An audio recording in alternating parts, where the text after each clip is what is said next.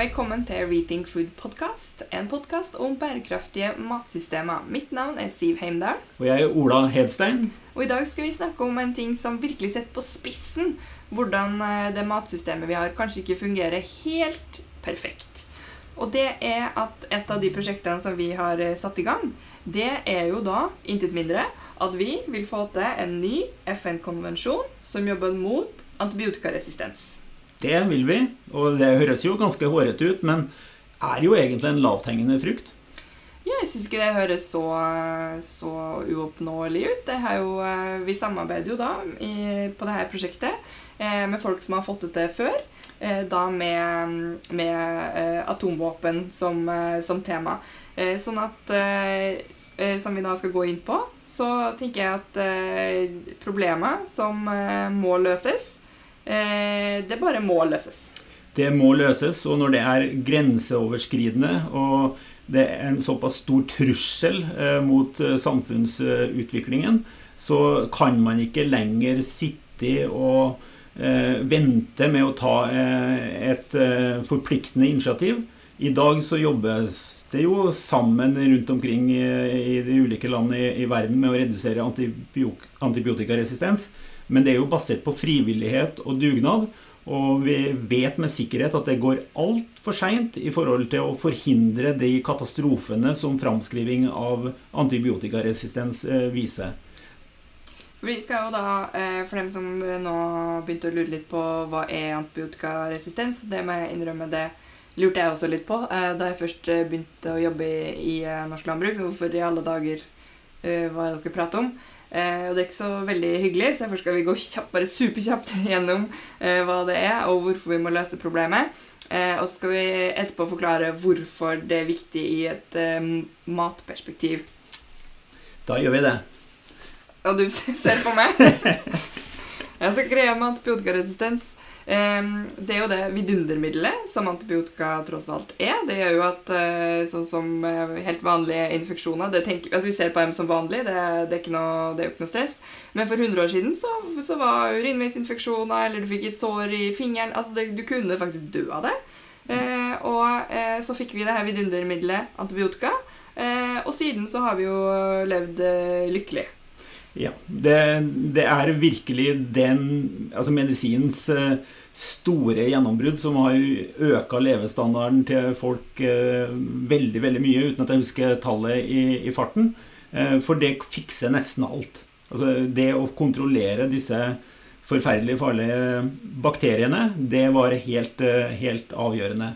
Men det er ikke dømt til å være sånn i fremtiden, fordi bakteriene er noen kloke skapninger som vi strengt tatt må bare lære oss å leve sammen med. De de skjønner hva som er farlig for dem, og så lager de egne og nye forsvarsverk eh, som gjør at eh, antibiotika som medisin ikke eh, dreper de lenger. Og de lærer veldig fort å bli motstandsdyktige mot antibiotika.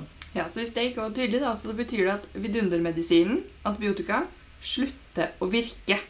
Og det vil da ta, eh, eh, ta hele medisinstudiet ikke tilbake til steinalderen, da, men 100 år tilbake i tid. Ja, da blir det mye vanskeligere å være lege, selvfølgelig, men enda verre å være pasient. For sannsynligheten for at du får eh, alvorlige infeksjoner som ikke kan leges, er stor, og da får vi økt dødsfall. Og det er jo beregna av eh, Verdens helseorganisasjon at eh, vi i 2050, hvis vi ikke gjør noe helt vesentlig de nærmeste årene for å bremse utviklingen av antibiotikaresistens, så vil det dø flere av antibiotikaresistente bakterier i 2050 enn, dø, enn av kreft. Så, så, det blir en større sykdom enn en, en kreft dersom det fortsetter utviklingen. Eh, I Norge er jo ikke eh, dette nødvendigvis så eh, kjent og aktualisert for, for, folk flest. Altså Innenfor medisin så er det ropa varsko om dette lenge. Eh, men i en god del land omkring i verden så begynner det å være vanlig at eh, man ikke kan eh, behandle ganske enkle sykdommer og infeksjoner. Ja, så det som vi sa, ikke noe hyggelig greie. Nei, ikke noe hyggelig greie i hele tatt. Man En sånn god beskrivelse av hva dette her er, er at dette er en saktevoksende pandemi. Og hva pandemi er, vet jo alle nå etter disse siste to åra. Og dette vil i så fall være en pandemi som i alvorlighetsgrad og konsekvens overgår den koronapandemien som vi nettopp har vært igjennom. Hvis vi er igjennom en, da. Men i hvert fall så er det betydelig enklere å, å leve nå enn, enn for noen få måneder siden. Men jeg lovte jo da at vi også skulle forklare hvordan det her hang sammen med et dysfunksjonelt matsystem. Ja, det er et uh, godt poeng, fordi uh, det er sånn at uh, dyr og fisk som er syke, de produserer veldig lite mat. og det er også dårlig for dyrevelferden eller fiskevelferden. Så Derfor så er jo også antibiotika en medisin som man bruker til dyr. Eh, men den er så god eh, og så nyttig eh, at noen har funnet ut at de kan bruke den på måter som er ganske tullete. Så istedenfor å behandle dyrene etter de har fått en diagnose, så har noen funnet ut at, og praktisert lenge at da kan vi jo gi litt antibiotika i maten hver dag. For da blir de jo ikke syke. Og det stemmer. Men da bruker man så mye antibiotika at faren for resistensutviklingen er der hele tiden og skyter fart. Og sånn kan, ikke, sånn kan man egentlig ikke drive med matproduksjon, men det gjør man i enkelte land. I Norge og Skandinavia så har vi av ulike grunner valgt å, holde avle dyr eller holde dyr på en annen måte, både dyr og fisk. Så har vi valgt å gå inn for at dyrene skal være så friske som mulig ved at de har et bra miljø å leve i, at vi hindrer smittestoffer å komme i kontakt med dem. Eh, og at de rett og slett holder seg syke uten å trenge sykdomsbehandling og, medisinering. Eh, men de landene som da bruker eh, mye antibiotika, enten i fiskefôret eller i kyllingfôret, de får da en produksjonsform som ofte er billigere enn den norske og skandinaviske varianten. Og når det lønner seg å bruke antibiotika fordi du rett og slett får produsert maten billigere og da slår ut konkurrentene i, i markedet ved det, så blir det den rådende produksjonsformen. Eh, og for å forhindre det, så må det bli forbudt å bruke antibiotika på en feil måte. Eh, og det vil forbedre matsystemet på en eh, helt grunnleggende faktor hvis man får på plass et slikt internasjonalt forpliktende regelverk som legger til rette for det. For det må være internasjonalt forpliktende for at konkurransemulighetene skal være like. Ja, jeg synes Du får egentlig ikke noe bedre eksempel eh, på hvordan man har et matsystem som eh, gir da fordeler til dem som kan produsere billigst mulig, men eh, kostnaden er jo egentlig så altfor, altfor stor. Den bare tas ikke av deg og meg akkurat når vi skal betale for eh, produktet i eh, butikken. Ja, og det, Nå finnes det jo litt sånn tall på slike ting også. for Hvis du tar USA, som er et av de landene som absolutt ikke bruker antibiotika på noen klok måte De bruker jo også i tillegg hormoner, og av og til så har også antibiotika en hormoneffekt eh, som, som vekstfremmer. Eh, der gjorde Rockefeller Foundation en eh, analyse av eh, hva maten egentlig burde koste. Og da fant de ut at amerikanerne betalte 1,1 trillioner dollar for maten i butikken, altså på kassa. På kassa. Og så beregna de hvor mye det kosta helsevesenet at maten var produsert på den måten som man gjør i USA, og konsumert på den måten som man gjør i USA. Og da viste det seg at ekstrakostnaden til, helse, til helsebudsjettet eh, pga. Eh, måten mat er produsert på og måten man spiser det på i USA, den var også på 1,1 trillioner dollar. Eh, og det er jo helt meningsløst eh, å liksom finne ut at den egentlige prisen på maten, hvis du skal betale for kostnaden ved å produsere den, var da på det doble av det som, eh, som man faktisk betalte.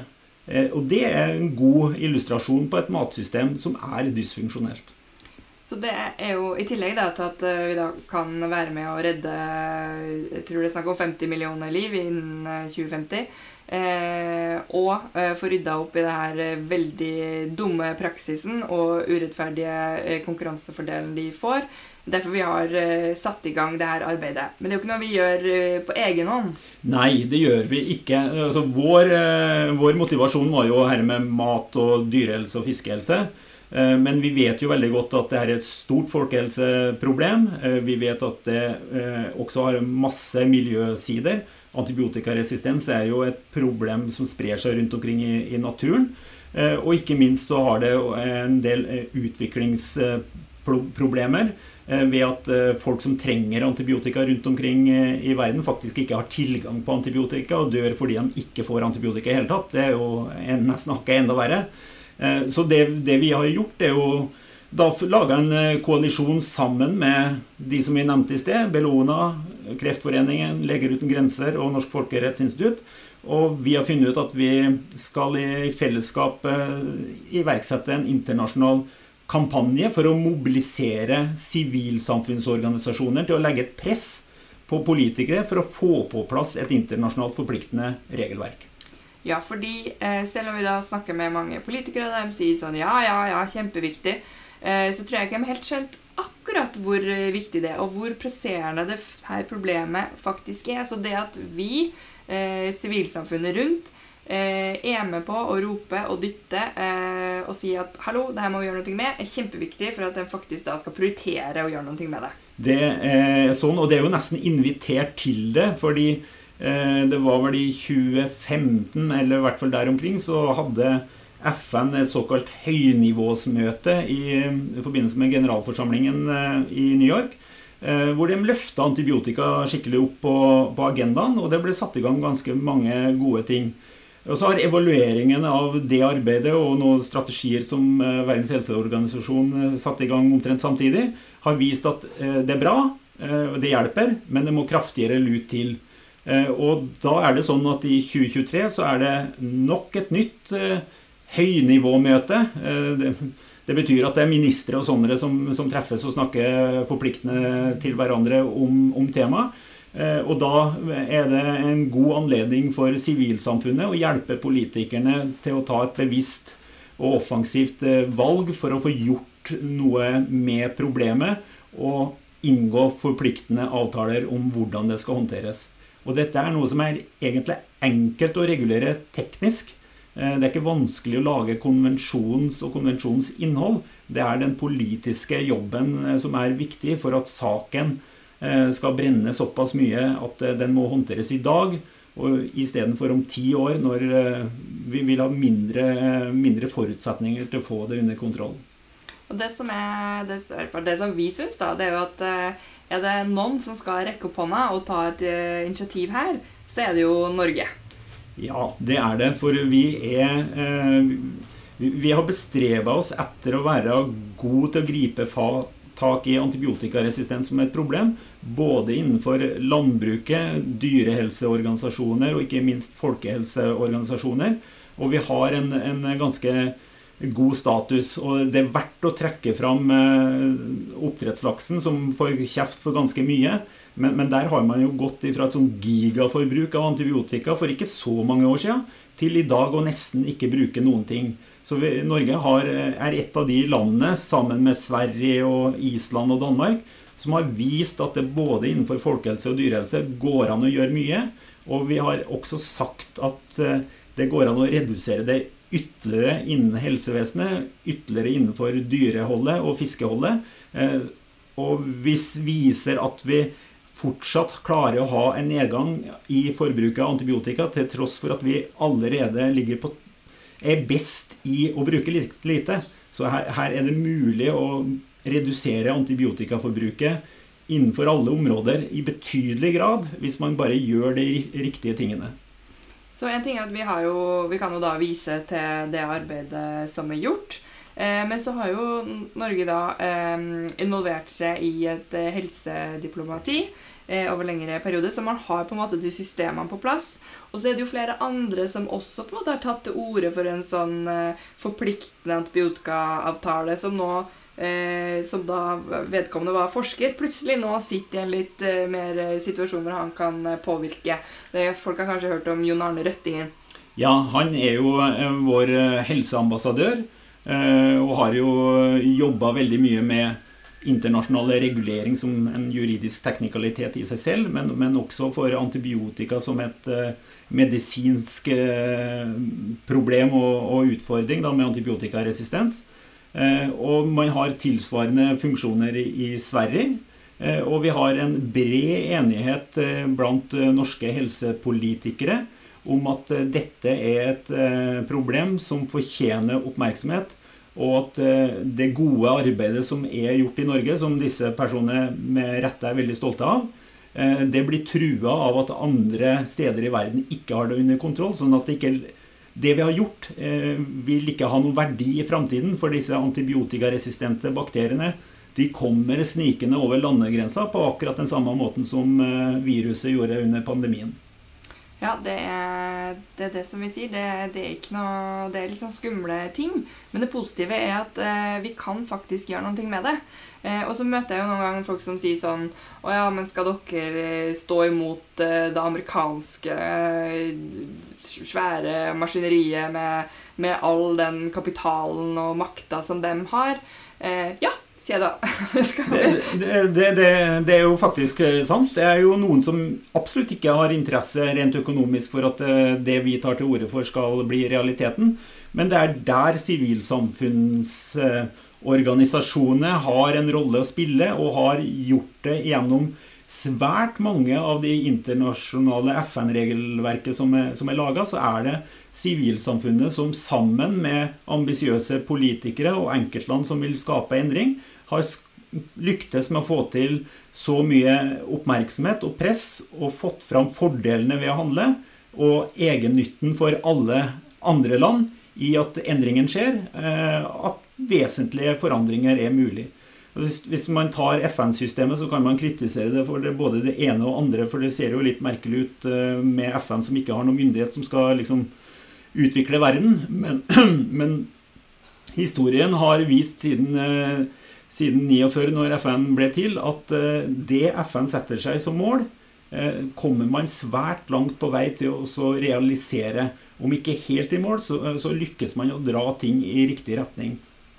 Og så får man jo Vi får jo litt eh, hjelp. Det er jo ikke bare vi to som prater om at eh, matsystemene må endres. Nå pågår det jo et arbeid i eh, EU med den nye eh, bærekraftstrategien på eh, matsystemet, og der er også antibiotikaresistens løfta ganske høyt opp. sånn at det er ikke bare vi her i Norge som sitter og, og, og vifter med pekefingeren. Hvis at da EU gjør det til en av sine premisser i, i handelsavtalene sine, så vil de også være med å sette agendaen her. Ja, og det, det ligger jo i deres plan under eh, EUs Green Deal, altså vekststrategien til EU framover. Og ikke minst i den biten som heter Farm to Fork, hvor de skal da utvikle gullstandarden i verden for hvordan man best produserer mat som er bærekraftig. Eh, Og i den så er eh, antibiotika løfta veldig, veldig høyt. Eh, Og det har satt fortgang på reduksjon i forbruk i to vesentlige land som, eh, som Nederland og, og Tyskland, som, eh, som viser at man relativt raskt kan få det ned mye. Og de målene som de har satt seg, er å egentlig komme ned på et sammenlignbart eh, nivå som, eh, som Norge. Og da blir fort også EU veldig kjent med at eh, den investeringa de gjør nå, ikke blir ødelagt av land som ikke følger med i timen. Og da er jo planen til EU å stille krav til hvordan mat skal være produsert for at man skal få lov til å selge det i det europeiske markedet. EU er en stor importør og eksportør av, av mat. Eh, Og da får man en standard som, som, som vil funke, og som vil funke enda bedre hvis det i tillegg ligger en FN-konvensjon som sier noe om hvordan antibiotika skal brukes eh, på en eh, forsvarlig måte internasjonalt. Så vi arbeider på en måte i startgropa. Vi har begynt å eh, skissere noen eh, tanker. Vi har starta en koalisjon. Hvis du da går inn på antibiotikakonvensjonen.no Litt langt og vanskelig ord, men, eh, men det er nå de to ordene Eller- eh, vi har å slå sammen. Antibiotikakampanjen er det det heter. Det er det det heter. Ja. Det var bra, du. Antibiotikakampanjen.no. Det er der du skal gå inn. Eh, og det finner du jo også, eh, også oss på Facebook hvis du har lyst til å, å følge oss der. Eh, og hvis du nå jobber i en organisasjon og tenker sånn Hei, burde ikke vi ha støtta opp på den kampanjen? Så kan du faktisk melde din interesse der og legge opp eh, både navn og logo. Eh, så kan du være med i denne eh, sivilisasjonskampanjen eh, og ta det her hele veien til New York. Det kan du gjøre, og det koster ingenting. Gjerne bidra økonomisk også, men i utgangspunktet så kan du bare være med på å støtte det arbeidet som vi har satt i gang, og som vi har store forventninger om at vi kan fortelle mye mer om framover, når vi virkelig kommer i gang med det internasjonale eh, mobiliseringsarbeidet. Og hvis du da eh, ikke er ansatt i en sånn organisasjon, eller har det myndigheten til å, til å gjøre sånne ting, så bare det å dele det på Facebook og, og kanskje prate med noen eh, Legge til noen politikere inn i det, det mm, posten eller kronikken, om du har lyst til å skrive det. Alle mulige sånne ting er med og hjelper og drar i riktig retning.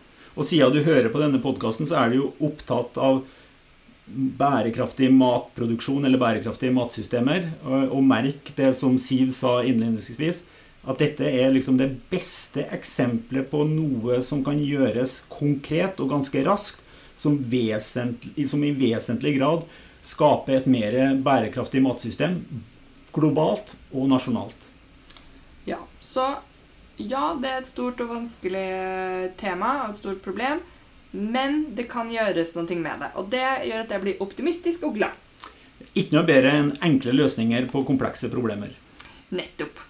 Eh, så eh, skal vi snakke litt om, eh, om livezoomen, da, som, som er neste. Vi har jo faktisk allerede vært innom det. Vi har snakka om, om Farm to Fork, og det er noen, en, tematikk vi skal ta videre. Ja, og vi har jo vært inne på det på en tidligere livesending, men det skjer så mye med EUs arbeid under paraplyen Farm to Fork-strategien at vi har nytt til, å dukke nødt til å dukke ned igjen. Så neste fredag så har vi med oss igjen da Landbruksråden og Matråden til Norge i Brussel. Så det er jo da personer som jobber på Norges delegasjon til EU.